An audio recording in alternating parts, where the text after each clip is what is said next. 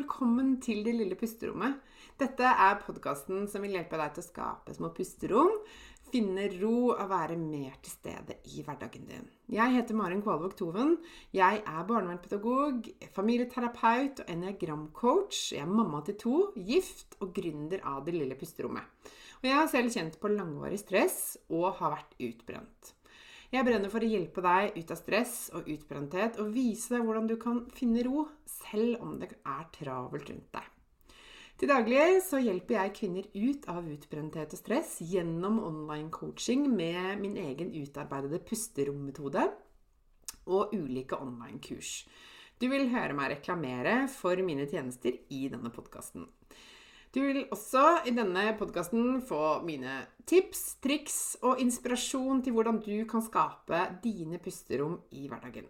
Jeg kommer også til å dele egne erfaringer og invitere spennende gjester på besøk. Mer om meg og det jeg kan hjelpe deg med, det kan du lese om på delillepusterommet.no.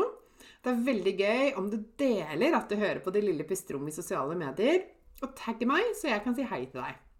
Jeg heter Marin Kvalvåg Toven både på Facebook og på Instagram. Her kommer dagens episode. Hei og velkommen tilbake til det lille pusterommet. I dag så skal vi snakke litt om hva som kan være med på å forsterke stresset ditt kan være ytre faktorer som er med på å øke stressnivået ditt. Det kan være veldig viktig å være klar over og bevisst på hva det er som skjer. Så hjertelig velkommen til denne episoden.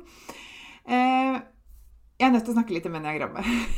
De som hører på denne podkasten fast, vet at jeg nevner eniagrammet jevne mellomrom, og det er med god grunn. Eh, vi tenker oss jo at vi er født med eniagramtypen vår. Det er noe du er skapt med, det er noe du har med deg. Eh, men det finnes også ytre faktorer som kan forsterke mønstre, strategiene dine ytterligere. I dag har jeg lyst til å snakke litt om hvilke faktorer det kan være, og noen eksempler på hvordan du kan forstå det. La meg bruke meg selv som eksempel. Det letteste eksempelet å bruke. I hvert fall som utgangspunkt. Jeg er jo eh, toer i eniagrammet, og toeren kalles også for hjelperen. Og for toeren så er jo gaven å hjelpe andre. Eh, og toerens gave er bl.a. å kunne se hva andre trenger, og dekke behovet deres. Eh, og noen ganger er det sånn at faktisk toeren kan se og forstå det behovet selv om noen andre ikke forstår det selv. Og også selv om noen andre faktisk ikke vil ha hjelpen. Det er jo en annen side ved det, men sånn er det. Eh, men det er også gaven til toeren. Så det er jo der, gaven, nei, det er, det er jo der toeren virkelig skinner og, og blomstrer, ikke sant? Men det som ofte skjer hos toeren, er jo at man helt fra man er liten, sånn var det i hvert fall for meg, får masse bekreftelse og anerkjennelse for hjelpsomhet, ikke sant? Eh, for å være omsorgsfull, for å bidra, for å hjelpe andre for å være til nytte. Og det som skjer da, det er jo at man automatisk gjør mer av det. Sånn er jo barn. ikke sant? Og sånn er jo vi voksne også.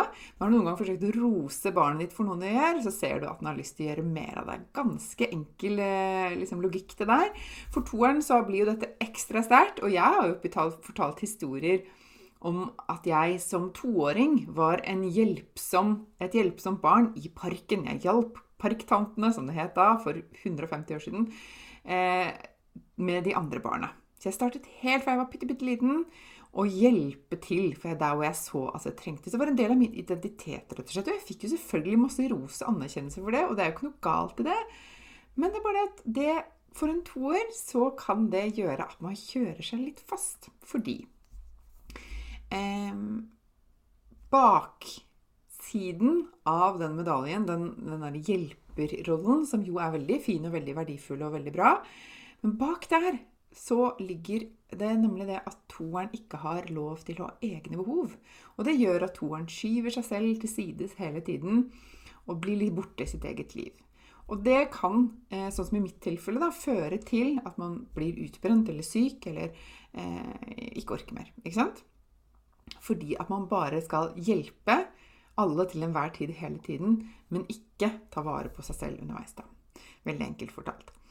Eh, Og så, så når det i toerens tilfelle så blir liksom den der avhengigheten av andres bekreftelse og anerkjennelse kan gjøre at man f.eks. blir utbrent, eller til slutt ikke orker mer og ikke har energi til å hjelpe noen. ikke sant? For andre enagramtyper så kan det vise seg litt ulikt. For vi har jo ni enneagramtyper. Ni hovedtyper i eniagrammet, eh, og hver, hver, type har tre undertyper. sånn at dette er et ganske komplekst system, men jeg bare nevner ett eksempel til. Og det er perfeksjonisten i eniagrammet. Og kanskje kan du kjenne deg litt igjen i det, at du har noe, en del av deg som er perfeksjonist, eller kanskje du er det i ett og alt.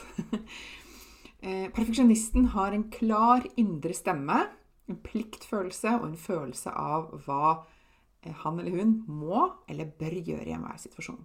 Det sitter så i kroppen og det er en veldig sterk indre kritiker som legger lista skyhøyt, egentlig helt uoppnåelig, ikke sant? å bli perfekt eller få til noe perfekt hele tiden.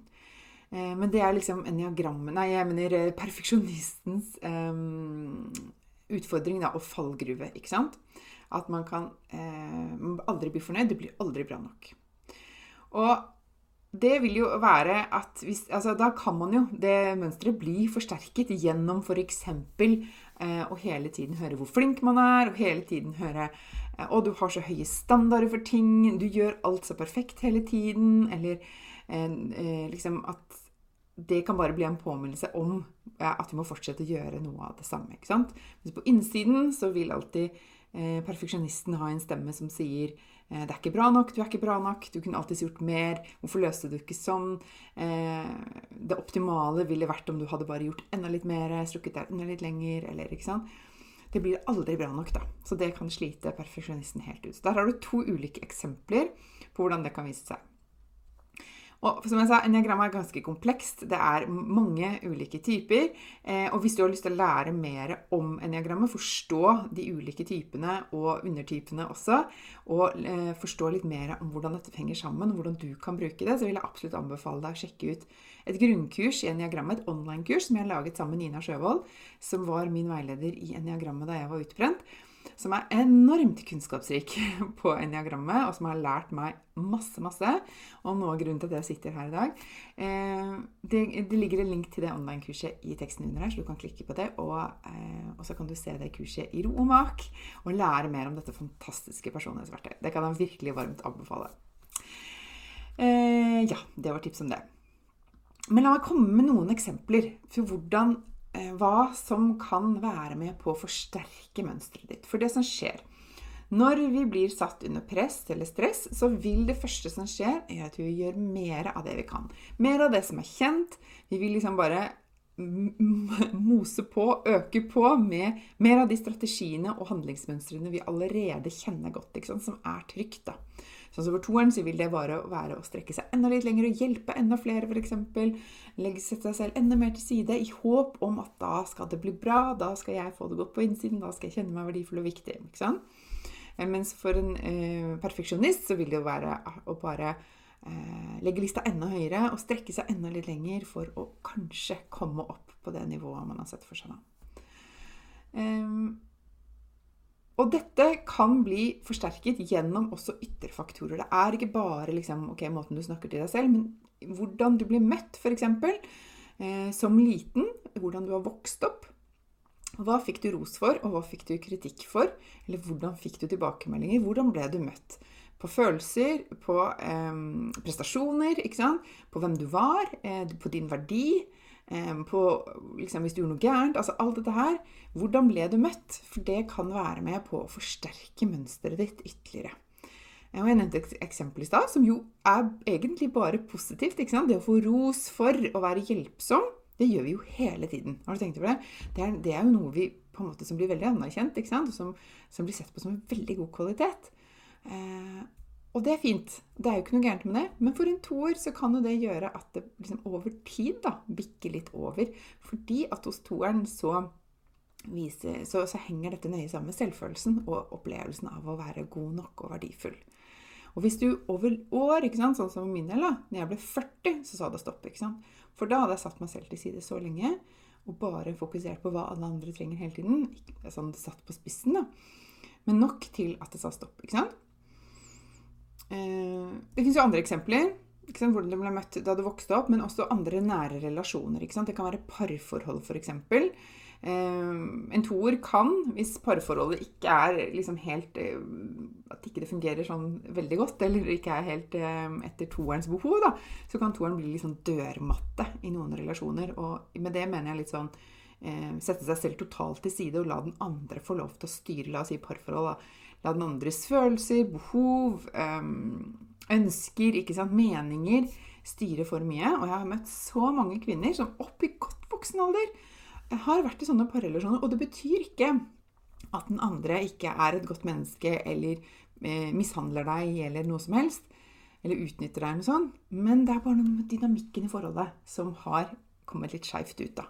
Så bare ved at toeren begynner å komme mer i kontakt med egne behov, egne følelser, og ikke minst begynner å sette ord på dem, så endrer hele dynamikken seg. Og jeg har hørt mange av mine coachingkunder si til meg det føles ut som vi har vært i parterapi fordi jeg har begynt å være tydeligere på hvem jeg er, hva jeg trenger, hva jeg mener, hva jeg ønsker meg. ikke sant?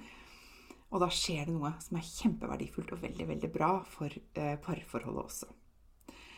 Og så er det et eksempel til. Der, okay, hvordan ble du møtt når du var liten? Hvordan, eh, eh, hvordan har du det i nære relasjoner? Og så er det et tredje tema som jeg bare må adressere. Det er sjefen din, lederen din eh, din overordnede på jobben, om du har det, da. Eller har hatt det. Eh, jeg har altså så mange historier om ledere og sjefer i liksom, arbeidsmiljøet i Norge i dag som eh, mangler Eller som møter sine ansatte og sine medarbeidere med eh, lite forståelse, lite empati og kanskje litt vanskeligheter med å, å, å skifte perspektiv. Det er jo litt det som ligger i empati. da. Eh, og Det kan være f.eks. at en ansatt kommer og, og, sier til sjefen sin at 'jeg kan ikke påta meg denne arbeidsoppgaven her', fordi jeg har ikke kapasitet, eller eh, jeg, jeg, jobber redusert, eller 'nå har jeg for mye, jeg ser at dette går ikke'. ikke sant? Og som kanskje har bygd opp masse mot til å si det for første gang, så skal hun sette en grense for seg selv, fordi hun har bare tatt imot og tatt imot. ikke sant? Og så blir hun møtt med en som på en måte mm, f.eks. sier eh, ja, men Vi må se hvordan du kan få det til. Eller hvis du bare gjør det sånn, kan du ikke bare altså, Det er ingen andre Jeg husker jeg ble møtt en gang med en sjef som sa til meg Jeg tror du har det noe verre enn alle andre. Hva tror du skjedde med meg da? Herlighet. Jeg ramla jo helt sammen og bare Å ja, jeg hadde psyka meg så innmari opp til å være ærlig om hvordan det egentlig gikk, og at det rett og slett ikke gikk. Ikke sant? Og så får jeg den tilbakemeldinga. Det er liksom bare drepen da, for alle som forsøker å, å, stå opp for seg selv. ikke sant? Eh, eller, eller, ledere som bare ikke Som har utfordringer med å eh, f.eks. gå inn i vonde og vanskelige ting. Som, som, som blir trigga av det. Det fins mønstre i eniagrammet som har utfordringer med å faktisk snakke om livets skyggesider, da, eller det som eh, følelser, vanskelige følelser, eller eller eh, helseproblemer eller eh, andre ting. Da, som, eh, som, for noen av oss er helt naturlig, meg inkludert. altså Særlig vi som er i følelsessenteret i eniagrammet, Toerne, treerne, firerne. er veldig tenker at det å snakke om følelser er, er, helt normalt, og det må vi gjøre.